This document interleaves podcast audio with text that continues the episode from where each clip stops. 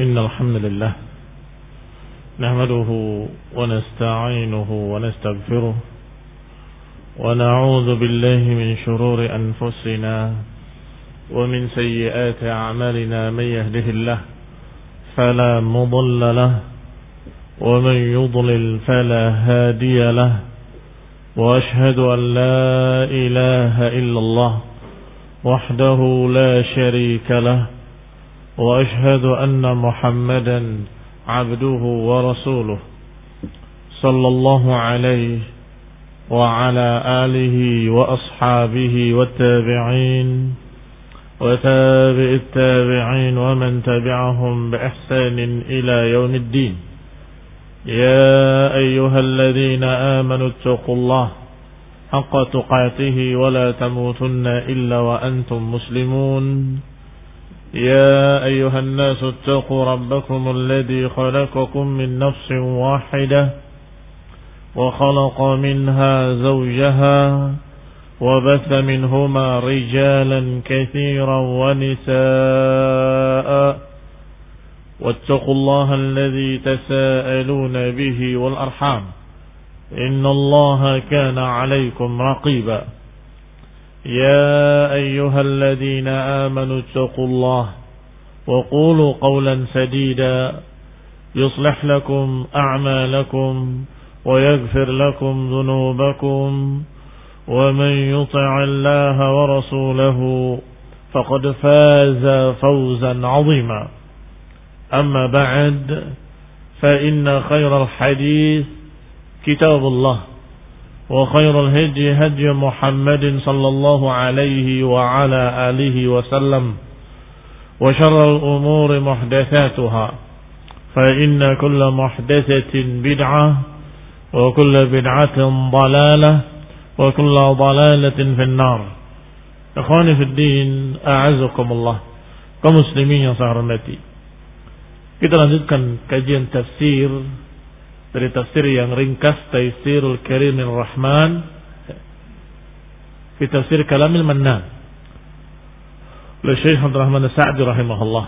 Dan sampai pada ayat yang ke-28 masih dalam surat Al-Baqarah.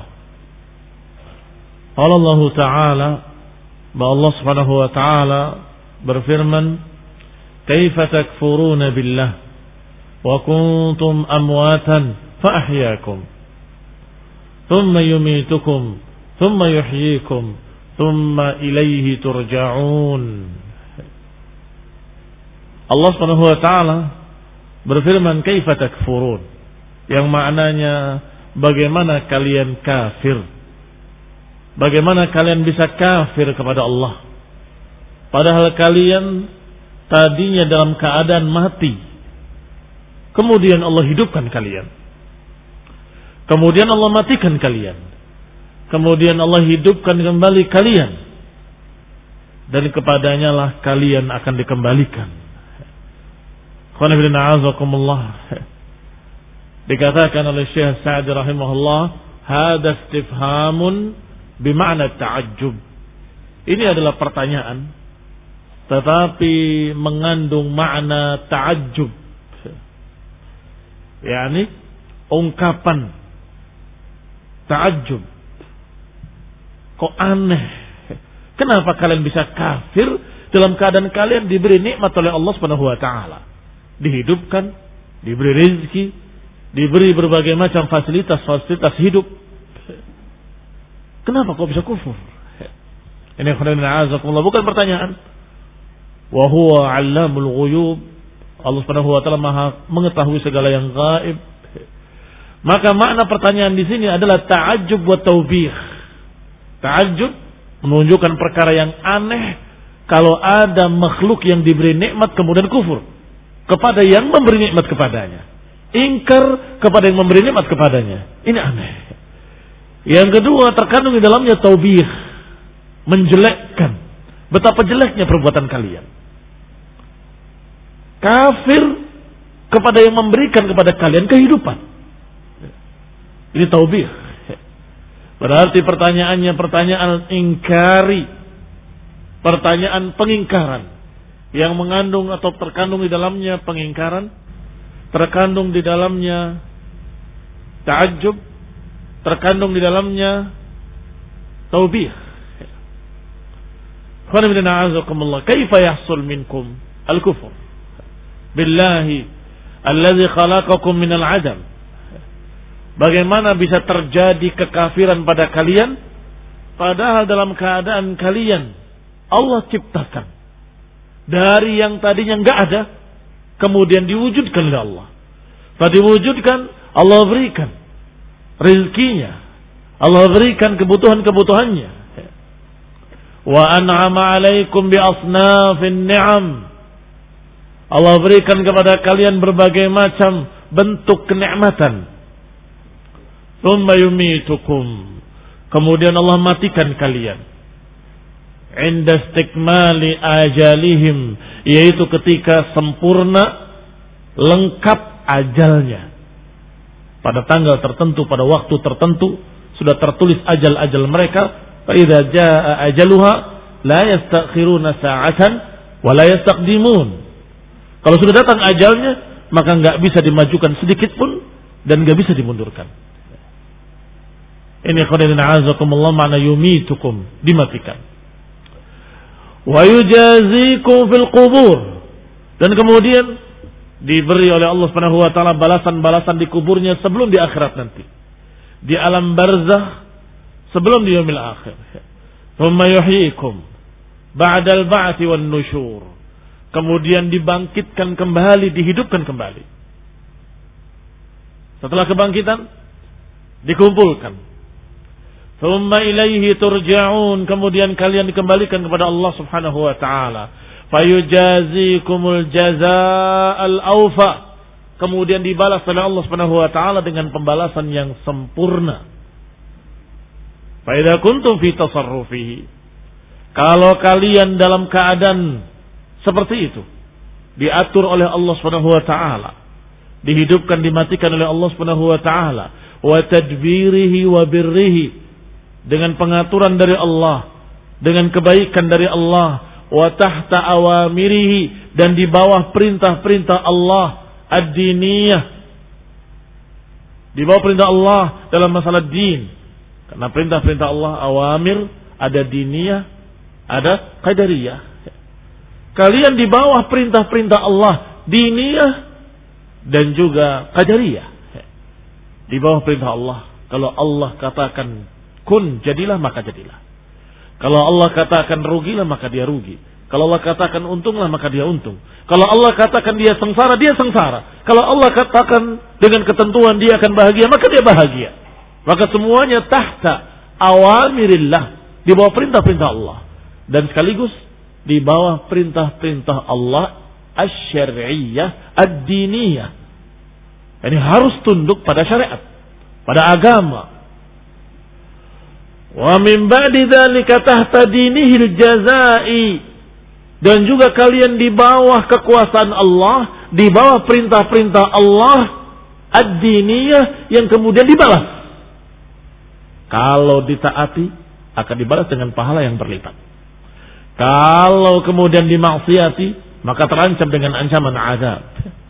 Apa yaliqu bikum an takfuru bih? Maka apakah pantas bagi kalian untuk kufur pada Allah.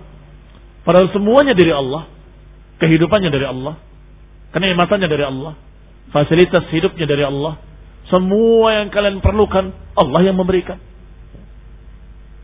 Apa yalik? Antakfuru billah.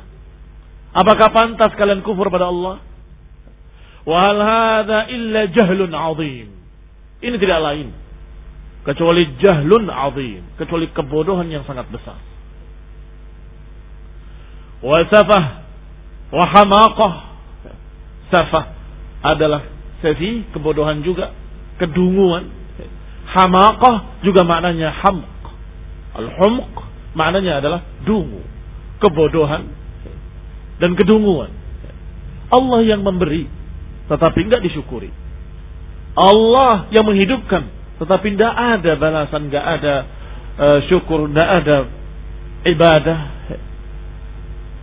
balilladhi yaliku bikum an tu'minu bihi wa tattaquhu wa tashkuruhu wa takhafu ثوابه. wa tarju thawabahu yang semestinya yang pantas bagi kalian semestinya adalah untuk beriman kepadanya bertakwa kepadanya bersyukur kepadanya takut kepada adabnya dan mengharapkan pahalanya kaum muslim yang saya hormati ayat yang ringkas yang mengingatkan kita kepada Allah Subhanahu wa taala bahwa nawasina biyadih. Nawasina, ubun-ubun kita semuanya di tangan Allah Subhanahu wa taala. Disebutkan dalam ayat ini empat perkara. Dihidupkan dua kali dan dimatikan dua kali. Qalu sebagaimana Allah Subhanahu wa taala katakan qalu amat rabbana amattana snataini wa ahyaytana snataini fastarafna bi dhunubina wahai Rabb kami amattana snataini wa ahyaytana snataini fa'tarafna bi dhunubina wahai Rabb kami engkau matikan kami dua kali dan kau hidupkan kami dua kali, maka kami mengakui dosa-dosa kami. Kami mengakui dosa-dosa kami, kesalahan-kesalahan kami. Ini keadaan mereka, para hamba-hamba Allah di akhirat, mereka sadar bahwa apa yang mereka lakukan di dunia dari kekufuran, dosa-dosa, kemaksiatan-kemaksiatan, bahwa itu nggak pantas. Nggak pantas bagi para hamba yang semuanya bergantung pada Allah. Tidak akan bisa lepas dari Allah sekejap mata pun. Yang menghidupkan Allah, yang mematikan juga Allah, yang akan menghisap Allah, yang akan membalas juga Allah. Maka semua kita milik Allah, dari Allah, dan diberikan seluruh kehidupannya oleh Allah. Maka Allah katakan, Kaifa takfurun? Kaifa takfurun? Bagaimana kalian bisa kufur? Bagaimana kalian bisa ingkar kepada Allah padahal Allah yang menghidupkan kalian? Yang memberikan kenikmatan-kenikmatan pada kalian. Disebutkan menghidupkan mematikan kalian, menghidupkan kalian, kemudian mematikan kembali. Allah kaifa takfuruna billahi wa kuntum amwata. Tadinya kalian itu mati. Maknanya tidak memiliki kehidupan. Mati di sini, maknanya kalian tadinya tidak memiliki kehidupan dan ini tafsir yang benar. Yang rajih, yang lebih sahih. Yaitu kalian dalam keadaan di punggung bapak-bapak kalian atau kalian dalam keadaan masih tanah. Kalian dalam keadaan lam yakun syai'an madhkura Lam yakun syai'an madhkura, maknanya tidak pernah menjadi sesuatu yang disebut. Tidak ada. Dan itu makna mati. Bukan tadinya hidup kemudian mati, bukan. Dan itu bagaimana Allah katakan tentang tanah yang disebutkan dengan mayyitan fa'ahyainaha. Kemudian kami hidupkan. Tanah itu dikatakan mati. Karena tidak ada kehidupan apa-apa. Kemudian ketika diturunkan oleh Allah hujan, fa'ahyainaha, maka kami hidupkan dia. Barakallahu fikum. Karena ada tafsir lain. Yaitu bahwasanya tadinya mereka itu hidup dihadapkan oleh Allah Subhanahu wa taala kemudian dipersaksikan dengan persaksian-persaksian maka mereka mempersaksikan setelah itu dimatikan kembali. Berarti makna dimatikan adalah tadinya pernah dihidupkan kemudian dimatikan. Kalau seperti itu maknanya, maka akan terjadi tiga kehidupan. Kehidupan yang sebelum dilahirkan, kemudian dimatikan, kemudian lahir kehidupan yang kedua, kemudian mati dan dibangkitkan lagi kehidupan yang ketiga. Padahal dalam ayat tadi dikatakan Rabbana amat tanasnataini wa ahyai tanasnatain. Ya Allah engkau hidupkan kami dua kali dan kau matikan kami dua kali. Berarti maknanya adalah tadinya kalian mati. Maka itu dalam keadaan belum pernah disebut-sebut. Tidak ada si pulan, tidak ada si alam. Lamnya yakun syai'an madkura. Hal ata 'alal insani hinun min ad-dahri lam yakun syai'an madhkura?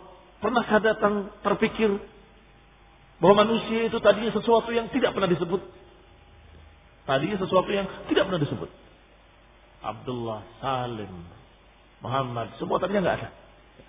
Tiba-tiba lahir si fulan, diberi nama dan kemudian hidup. Maka dikatakan wa kuntum amwatan Tadinya kalian mati, maknanya tadinya kalian lam yakun syai'an madhkura. Tadinya belum ada sama sekali. Itu makna yang pertama. Kemudian Allah katakan setelah itu, "Tsumma fa'ahyakum bukan tsumma, fa'ahyakum dengan fa." Yang juga maknanya kemudian kami hidupkan kalian. Kami lahirkan, kami wujudkan, kami jadikan engkau manusia yang hidup. Ya, setelah dilahirkan, yumitukum kemudian dimatikan oleh Allah Subhanahu wa taala. Dan dari kematian yang kita kenal di dunia. Kemudian dikubur, mengalami masa-masa alam kubur sampai kemudian dibangkitkan. Dibangkitkan oleh Allah Subhanahu wa taala dan ini juga makna dihidupkan kembali. Tsumma yuhyikum hayatal akhirah. Kemudian dihidupkan dengan kehidupan akhirat. Thumma ilaihi turja'un. Kemudian ke sanalah kalian dikembalikan. Demikian ikhwanin a'azakumullah. Dan dikatakan dengan dua kali dimatikan dan dua kali dihidupkan. Yani yang tadinya tidak ada sama sekali. Kemudian dihidupkan oleh Allah. Kemudian dimatikan. Kemudian dihidupkan lagi, kemudian dimatikan. Dimatikan, kemudian dihidupkan, kemudian dimatikan, kemudian dibangkitkan yaumul qiyamah. Maka yang nama mati yang pertama adalah ketika dia dalam keadaan lam yakun syai'an madhkura. Kemudian dilanjutkan oleh Allah Subhanahu wa taala. Huwa alladhi khalaqa lakum ma fil ardi jami'an. Thumma istawa ila as-sama'i fasawwahunna sab'a samawat. Wa huwa bikulli syai'in 'alim. Kata Allah Subhanahu wa taala, Dialah yang menciptakan kalian dan menciptakan untuk kalian semua yang di muka bumi ini. Seluruhnya. Tumastawa ila samai. Kemudian Allah Subhanahu wa taala ke langit. Fasawwahunna sab'a samawat. Kemudian menyempurnakan langit tersebut tujuh langit. Wa huwa bikulli syai'in alim. Ini masih kelanjutan dengan yang sebelumnya. Lama dzakara ta'ala dalalatan min khalqihim. Ketika Allah pernah menyebutkan tentang penciptaannya. Bahwa Allah yang menjadikan kalian hidup. Tadinya kalian mati. Tadinya nggak ada. Tiba-tiba Allah hidupkan. Tadinya kalian tanah. Kemudian Allah hidupkan. Kemudian Allah matikan. Ini kemudian Allah bangkitkan kembali yang qiyamah untuk dibalas. Bagaimana kalian kufur? Dan juga kata Allah, dan Allah yang menciptakan untuk kalian. Ma fil ardi jami'an. Betapa rahmatnya Allah. Betapa sayangnya Allah. Wa huwa arhamur rahimin. Khalaqa lakum. Allah ciptakan semua ini untuk kalian. Ada tumbuh-tumbuhan untuk kalian. Ada binatang ternak untuk kalian. Ada binatang tunggangan untuk kalian. Ada binatang yang dagingnya dimakan untuk kalian. Ada binatang-binatang yang memberikan faedah pada kalian dan kalian tidak sadar. Kalau saja nggak ada hewan-hewan tersebut, niscaya kalian dalam keadaan binasa. Ini semua untuk kalian. Mungkin ada yang berpikir untuk apa? Binatang-binatang buas dan pemangsa. Kalau nggak ada binatang-binatang pemangsa tersebut, niscaya binatang-binatang lain ya, akan terlalu banyak dan akan membinasakan kalian nantinya. Dan ini banyak dibahas oleh para ahli ilmu pengetahuan. Bahwa itu adalah sudah sangat pas, sangat seimbang Allah ciptakan. Lakum untuk kalian, untuk manusia. Minha luhumuha wa minha rukubuha. Ada yang ditunggangi, ada yang dimakan dagingnya. Dan juga ada yang dipakai kulitnya. Dan ada yang menjadi hiasan buat kalian. Itu semua, barakallahu fikum, kita melihatnya indah. Pepohonan, sungai, burung-burung dan sebagainya. Itu semua untuk kalian. Bagaimana kalian kafir? Padahal Allah berikan pada kalian segala sesuatu. Padahal Allah Subhanahu wa taala yang mempersiapkan untuk kalian segala sesuatu. Yani khalaqahum wa ma yashahidunahu. Allah menciptakan kalian dan menciptakan apa yang kalian saksikan semuanya. Ay khalaqalakum barran bikum wa rahmatan. Allah ciptakan untuk kalian sebagai kebaikan buat kalian sebagai kasih sayang buat kalian. Ma'alal ardi, semua yang ada di muka bumi. Lilintifa'i wal istimta'i wal i'tibar. Untuk dimanfaatkan, untuk dinikmati, dan juga untuk diambil pelajaran. Ada yang secara langsung, ada yang secara tidak langsung. Sudah kita katakan tadi, yang secara langsung, yang kalian makan dagingnya, yang kalian pakai kulitnya, yang kalian tunggangi punggungnya, itu langsung. Dan ada yang tidak langsung, karena ada ini, ada itu. Itunya manfaat buat kalian. Karena ada makhluk-makhluk tadi, maka ada sesuatu kebaikan-kebaikan dan kebaikan itu buat kalian. Siapa yang berpikir ternyata daun-daun ini semua yang hijau menghasilkan oksigen buat kalian. Walaupun kalian merasa bahwa ini pohon liar. Apa gunanya? Ternyata semuanya memberikan oksigen untuk manusia. Sehingga kalau kekurangan daun-daun hijau akan kekurangan oksigen. Ini barakallahu fikum dipahami oleh pakar-pakarnya, oleh ahli-ahlinya. Dan ini semua Allah yang maha tahu. Allah ciptakan dengan lengkap lakum. Wa fi hadhihi al-ayah al-'azimah dalilun ala anna al-asla fil asya'i al-ibaha wa taharah. Dan ayat ini kita mendapatkan kaidah dalam masalah fikih yaitu kaidah yang azimah al-asl fil asya'i al-ibahah. Bahwa hukum asal dari perkara dunia semuanya boleh. Karena Allah katakan khalaqalakum Allah ciptakan untuk kalian. Sebagaimana para ulama menyatakan kaidah bahwa semua ibadah tidak boleh kecuali yang diperintahkan. Semua perkara dunia boleh kecuali yang dilarang. Lihat kaidahnya. Kalau masalah ibadah, semuanya nggak boleh. Kecuali yang diperintahkan. Berarti tidak boleh mengadakan ibadah baru. Karena hukum asalnya tidak boleh kecuali yang diperintahkan. Adapun yang amila amalan laisa alaihi amruna fahuwa raddun. Siapa yang beramal dengan amalan yang tidak ada perintahku tertolak. Ini ibadah. Tapi masalah dunia sebaliknya. Semuanya boleh. Ada larangan enggak? Enggak ada. Berarti boleh. Ada larangan enggak? Enggak ada. Berarti boleh. Apa dalilnya? Dalilnya khalaqalakum ma fil ardi jami'a aku ciptakan buat kalian seluruhnya. Ini hukum asal. Kecuali yang ini dan yang ini dan yang ini. Kecuali babi jangan dimakan. Kecuali yang bertaring seperti anjing jangan dimakan. Kecuali maitah bangkai yang tertanduk, yang tertusuk, yang tercekik tidak boleh dimakan. Ini dikecualikan. Tapi hukum asalnya khalaqalakum. Semuanya untuk kalian. Lianna siqat fi ma'radil imtinan. Karena disebutkan dalam bentuk atau dalam siak, dalam konteks imtinan. Imtinan itu menyebutkan kebaikan-kebaikan. Bahwa Allah Subhanahu wa taala memberikan berbagai macam kebaikan buat kalian. Dan Allah ciptakan semua yang di muka bumi buat kalian. Fama fihi darar uh, yakhruj bidzalika al-khaba'ith. Maka keluar dari kaidah ini apa yang dilarang. Karena disebutkan dalam Al-Quran, wa harrama alaikumul khaba'is. Dan mengharamkan atas kalian yang jelek-jelek. Dan tetap, yang khaba'is tadi diharamkan, tetapi jangan bertanya untuk apa diciptakan. Karena bisa jadi iktibar sebagai pelajaran, bisa jadi imtihan sebagai ujian, bisa jadi ada manfaat yang tidak langsung. Karena ada itu ada sesuatu yang lain yang kemudian bermanfaat buat kalian. Yang kita tidak tahu. Yang kadang tidak diberitahukan oleh Allah dan kadang diketahui. Kau muslimin yang saya hormati.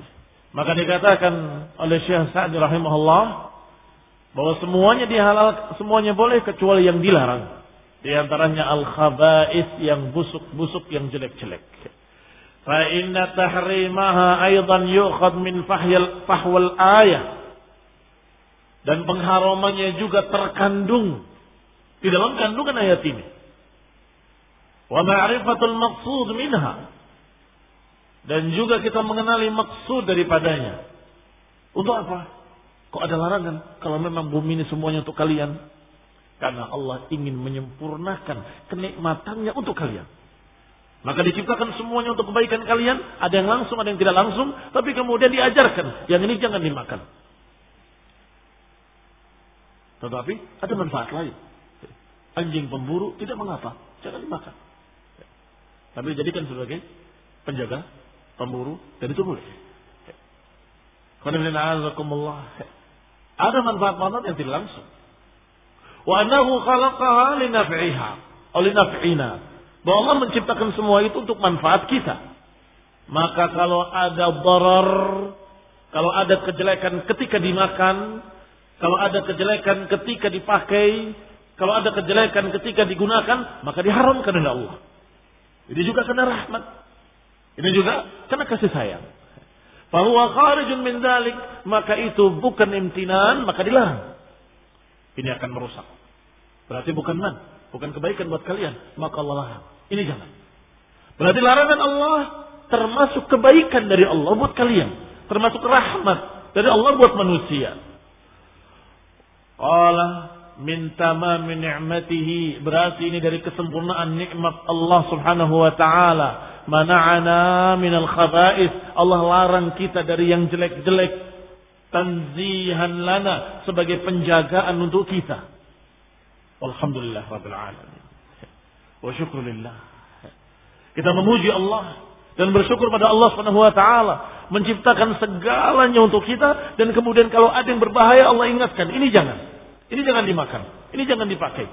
Ini jangan diminum. Akan merusak kalian. Kaum muslimin yang saya hormati. Maka dikatakan oleh Allah Subhanahu wa taala? Bagaimana kalian kafir? Bagaimana kalian bisa kufur pada Allah padahal Allah yang menciptakan semua yang ada di muka bumi ini untuk kalian? Kemudian Allah pilihkan untuk kalian yang terbaik, kemudian Allah larang yang jelek-jelek. Karena rahmatan bikum. Karena sayangnya pada kalian. Kaifa takfurun? Bagaimana kita nggak bersyukur? Kenapa kita kufur? Thumma stawa ila samai fasawahunna sab'a samawat wa huwa bi kulli syai'in alim. Kemudian istawa ila. Istawa ila. Kalimat istawa kadang-kadang mutaaddi, kadang-kadang lazim. Kadang-kadang membutuhkan kata sambung, kadang-kadang tidak. Kata sambungnya kadang ila, kadang ala. Dan itu menunjukkan makna-makna yang berbeda. Qala Syekh Sa'd rahimahullah, taridu fil Qur'an ala salasati ma'anin. Bahwa kalimat istawa dalam Quran memiliki tiga makna. Fataratan la ta'adda bil harfi. Kadang-kadang kalimat istawa tidak memakai kata sambung. Nggak pakai ila, nggak pakai ala. Fayakunu ma'naha al-kamal. Maka maknanya adalah sempurna atau lengkap. Sebagaimana disebutkan dalam ayat, "Walamma balagha ashuddahu wastawa." Walamma balagha ashuddahu wastawa. Ketika sudah mencapai batas kedewasaannya dan sempurna, istawa maknanya sempurna. Balagha ashuddahu wastawa setelah mencapai baliknya, mencapai dewasa dan sempurna, itu istawa. Tanpa ila, tanpa ala. Wa taratan takunu bima'na ala wartafa'a. Yang kedua, kadang-kadang dia memiliki makna tinggi di atas. Ya. Kalau memakai kata sambung ala. Istawa ala al-arsh. Ar-Rahman ala al-arsh istawa. Ar-Rahman ala al-arsh istawa. Berarti istawa ala al-arsh. Kalau istawa memakai kata sambung ala maka maknanya ala wartafa, maknanya tinggi di atas. Tujuh ayat yang menyatakan bahwa Allah alal arsi. Allah maha tinggi di atas arasnya. Pakai ala. Mana yang ketiga? Thumma stawa ila. Kalau ala sudah terangkan tadi maknanya tinggi sebagaimana dikatakan summa stawa alal arus bahwa Allah maha tinggi di atas arus atau ketika disebutkan mengenai mereka-mereka makhluk-makhluk juga maknanya seperti itu. Litastawu ala zuhurihi untuk kalian naiki di atasnya, di atas punggung-punggungnya. Itu kalimat istawa ala. Tentunya bagi Allah Subhanahu wa taala laisa kamitslihi syai. Bahwa Allah di atas arasnya tidak sama dengan makhluk di atas tunggangannya. Wa taratan takunu bimana qasada dan kadang-kadang berarti makna yang ketiga bahwa kalimat istawa dengan kata bantu ila maknanya adalah menuju atau ke. Kafada kama idza udiyat bi ila seperti ketika memakai kata bantu ila. Kama fi hadhil ayah sebagaimana dalam ayat kita. Kembali pada ayat. Apa kata Allah? Thumma stawa ila sama thumma stawa ila as-sama. Yani menuju menyengaja kepada langit. Ailamma khalaqa ta'ala al-arba qasada ila khalqis samawati. Ketika Allah menciptakan bumi, telah menciptakan bumi, maka Allah Subhanahu wa taala menyengaja kepada langit untuk menyempurnakannya dan menciptakannya. Fasawwahunna sab'a samawat maknanya khalaqaha. Maknanya khalaqaha. Allah ciptakan dia. Wa. Allah sempurnakan dia. Wa atqanaha. Allah mapankan, Allah mantapkan dia. Allah sempurnakan dia. Wa huwa alim. Dan Allah maha mengetahui segala sesuatu. Ya, ini maha mengetahui apa yang diciptakannya. Allah maha mengetahui tentang apa yang diciptakannya. Langit dan bumi dan semua isinya dan semua yang ada di antara keduanya. Sebagaimana Allah katakan, Ya'lamu ma yaliju fil ardi wa ma yakhruju minha wa ma yanzilu minas samai wa ma ya'ruju fiha wa ya'lamu ma tusirruna wa ma tu'linun. Ya'lamu sirra wa akhfa. Tiga ayat ini semuanya tentang ilmu. Pertama ayat Allah Taala dalam surat Al-Hadid. Ya'lamu ma yaliju fil ardi wa ma yakhruju minha wa ma yanzilu minas sama'i wa ma yakhruju fiha. Mengetahui apa yang masuk ke dalam bumi dan apa yang keluar daripadanya. Yang masuk ke dalam bumi apakah manusia yang dikubur atau benda apa pun makhluk-makhluk yang terpendam, tertimbun, dimasuk ke dalamnya. Wa ma yakhruju minha yang keluar daripadanya tumbuh-tumbuhan dan segala macam hasil-hasil bumi. Allah Maha mengetahui. Wa ma samai wa ma fiha. Dan apa yang turun dari langit dan apa yang naik ke langit. Malaikat yang turun atau malaikat yang naik. Barakallahu fikum. Wa ya'lamu ma tusirruna wa. Dalam ayat lain dikatakan dan Allah Maha mengetahui apa yang kalian rahasiakan, apa yang kalian sembunyikan ataupun apa yang kalian umumkan. Allah Maha tahu. Yang sir dan yang alaniyah. Sir yang tersembunyi, alaniyah yang terang-terangan. Tusirruna wa ma Atau Allah katakan ya'lamu sirra wa akhfa. Allah Maha mengetahui yang tersembunyi, yang rahasia. Qul inna wa kathiran ma yuqrinu baina khalqihi lil khalqi wa isbati ilmihi. Dan sering kali Allah Subhanahu wa taala menggandengkan antara penciptaannya dan ilmunya. Mengiringkan bersama-sama. Setelah menyatakan penciptaan, Allah kabarkan ilmunya. Setelah menyebutkan penciptaan, Allah kabarkan bahwa Allah maha mengetahui. Karena memang sewajarnya yang menciptakan pasti dia yang tahu.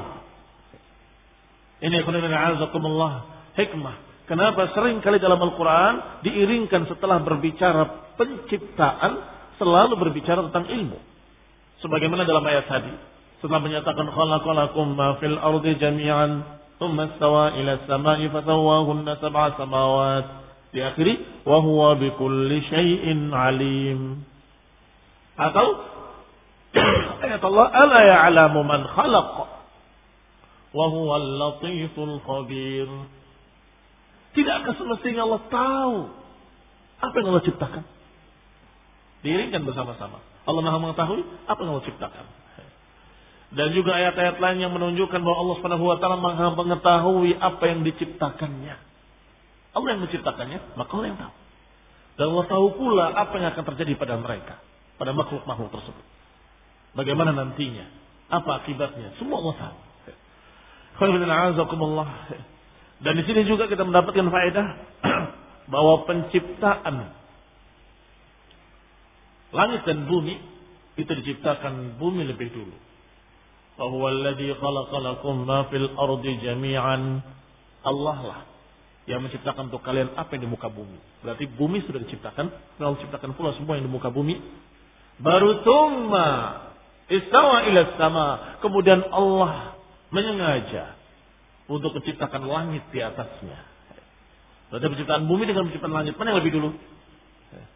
Yang lebih dulu penciptaan bumi. Khonibina'azakullah sebagaimana sebutkan dalam beberapa ayat yang lain. Allah Subhanahu wa taala menyatakan qul a innakum latakfuruna billadhi khalaqal arda fi yawmayn wa taj'aluna lahu andada. Dalam ayat lain juga sama. Dan Allah ceritakan lebih rinci tapi kalimatnya juga untuk mengingatkan hal yang sama yaitu masalah kekufuran. Kata Allah, "Qul a'innakum latakfurun?" Apakah kalian kufur kepada yang menciptakan bumi dalam dua hari? Kemudian kalian menjadikan bagi Allah tandingan-tandingan? Padahal bumi yang kalian pijak, bumi Allah. Dan semua yang kalian makan, ciptaan Allah. Semua yang kalian pakai dari Allah, dari tumbuh-tumbuhan yang Allah tumbuhkan. Ketika tidak Allah tumbuhkan. Ketika Allah timpahkan paceklik panas yang bertahun-tahun. Maka niscaya kita nggak akan bisa makan, nggak akan bisa berpakaian. Bukan hanya nggak bisa minum. Itu yang pertama nggak bisa minum. Susah. Tapi kemudian pohon-pohon mati nggak akan menghasilkan kapas untuk bikin pakaian. Nggak akan menghasilkan makanan apa pun. Berarti juga nggak bisa makan. Padahal hujan yang berhenti. Yang terbayang kita kekurangan air. Ternyata akhirnya kekurangan segalanya. Makannya juga, pakaiannya juga. Bahkan kekurangan yang lebih daripada itu. Maka Allah katakan taj'aluna lahu andada. Allah yang menciptakan bumi buat kalian dalam dua hari. Apakah kalian menyekutukan Allah? Dzalika Rabbul Alamin. Padahal dia adalah Rabbul Alamin, penguasa alam semesta ini. Rawasiya min fawqiha wa baraka fiha wa qaddara fiha aqwataha. Dan juga yang menciptakan gunung-gunung di atasnya. Yang kemudian diberi oleh Allah SWT berkah padanya dan Allah tentukan kekuatan-kekuatannya. Apa yang berikutnya? Tsummastawa ila sama. Kemudian Allah istawa ila sama. Menyengaja ke langit, menuju ke langit, kemudian wahia duhan dalam keadaan dia asap. Faqala laha walil ardi. Kemudian Allah katakan kepadanya dan kepada bumi. Itiya taw'an au karhan. Datanglah apakah dengan taat ataupun terpaksa. Qalata ataina ta'in. Kata mereka, kami akan datang dengan taat. Faqadahunna sab'a samawat. Maka setelah itu Allah sempurnakan tujuh lapis langit. Fi yaumaini. Juga dalam dua hari. Wa awha fi kulli sama'in amraha. Dan Allah wahyukan kepada setiap langit urusan-urusannya. Allah wahyukan semua urusan-urusannya bagi setiap langit. Wa zayyana samaa'a dunya bimasabih dan kami hiasi langit-langit tadi dengan bintang-bintang. Dengan pelita-pelita. Wa hifdhad dzalika taqdir al-aziz al-hakim, aziz al-alim. Ini semua menunjukkan bahwa Allah menciptakan bumi dulu, kemudian menciptakan langit. Adapun pada surat yang kalian hafal, Allah sedang menunjukkan penciptaan-penciptaannya dan Allah menunjukkan kekuasaannya bahwa kalian itu tidak ada apa-apanya dengan ciptaan-ciptaan Allah. Aantum asyaddu khalqan amis sama banaha. Apakah kalian lebih dahsyat penciptaannya atau langit? Rafa'a samkaha fasawaha. Allah angkat dan Allah sempurnakan. Lailaha wa akhraja duhaha. Allah tentukan pula malamnya dan Allah keluarkan paginya. Wal arda ba'da dzalika dahaha dan bumi setelah itu dahaha. Akhraja minha ma'aha wa mar'aha. Menciptakan langit atau menceritakan langit dulu kemudian menciptakan bumi. Apakah itu menunjukkan urutan langit dulu kemudian bumi? Yang berarti terbalik dengan yang tadi. Tadi bumi dulu kemudian langit. Di sini dikatakan dulu langit dulu dibicarakan. Terus setelah itu dibicarakan bumi. Tetapi kata para ulama kata Ibnu Katsir rahimahullah, faqad qila inna summa huna inna ma hiya li'atfil khabar 'alal khabar. Kata Ibnu Katsir bahwa kalimat dalam ayat ini summa ini adalah kaitannya bukan bermakna urutan tapi mengurutkan berita dengan berita. Diurutkan pertama berita yang besar dulu. Kemudian yang berikutnya, yang berikutnya, yang berikutnya. Yang besar adalah langit. Apakah kalian lebih dahsyat penciptaannya atau langit? Dan juga bumi kami ciptakan begini dan begitu. Bukan berarti langit dulu kemudian bumi dan mengatopkan berita dengan berita tidak mesti menunjukkan urutan walaupun dengan summa. Contoh dalam sebuah syair dikatakan qul liman sada thumma sada abuhu thumma qad sada qabla dhalika jadduh. Saya ulangi, qul liman sada, katakan pada orang yang sada yang sudah menjadi tokoh. Thumma sada abuhu dan sudah menjadi tokoh pula bapaknya. Dan sudah menjadi tokoh pula kakeknya. Sebelum itu. Mana lebih dulu? Hah? Anaknya dulu apa kakeknya dulu? Jelas yang menjadi tokoh pemimpinannya kakeknya dulu. Nggak mungkin anaknya dulu. Baru kemudian mundur ke belakang. Tapi jelas kakeknya dulu. Tapi disebutkan pertama anaknya. Baru kemudian bapaknya. Kemudian kakeknya. Ini atful khabar alal khabar. Berarti kadang-kadang summa tidak menunjukkan tertib. Tidak menunjukkan tertib. Kalau atupnya khabar ala khabar. Ini semua berita. Yang ini lebih dulu, yang itu lebih dulu. Tetapi yang diberitakan adalah pertama kali yang berkait dulu. Dan yang dibicarakan anak muda ini.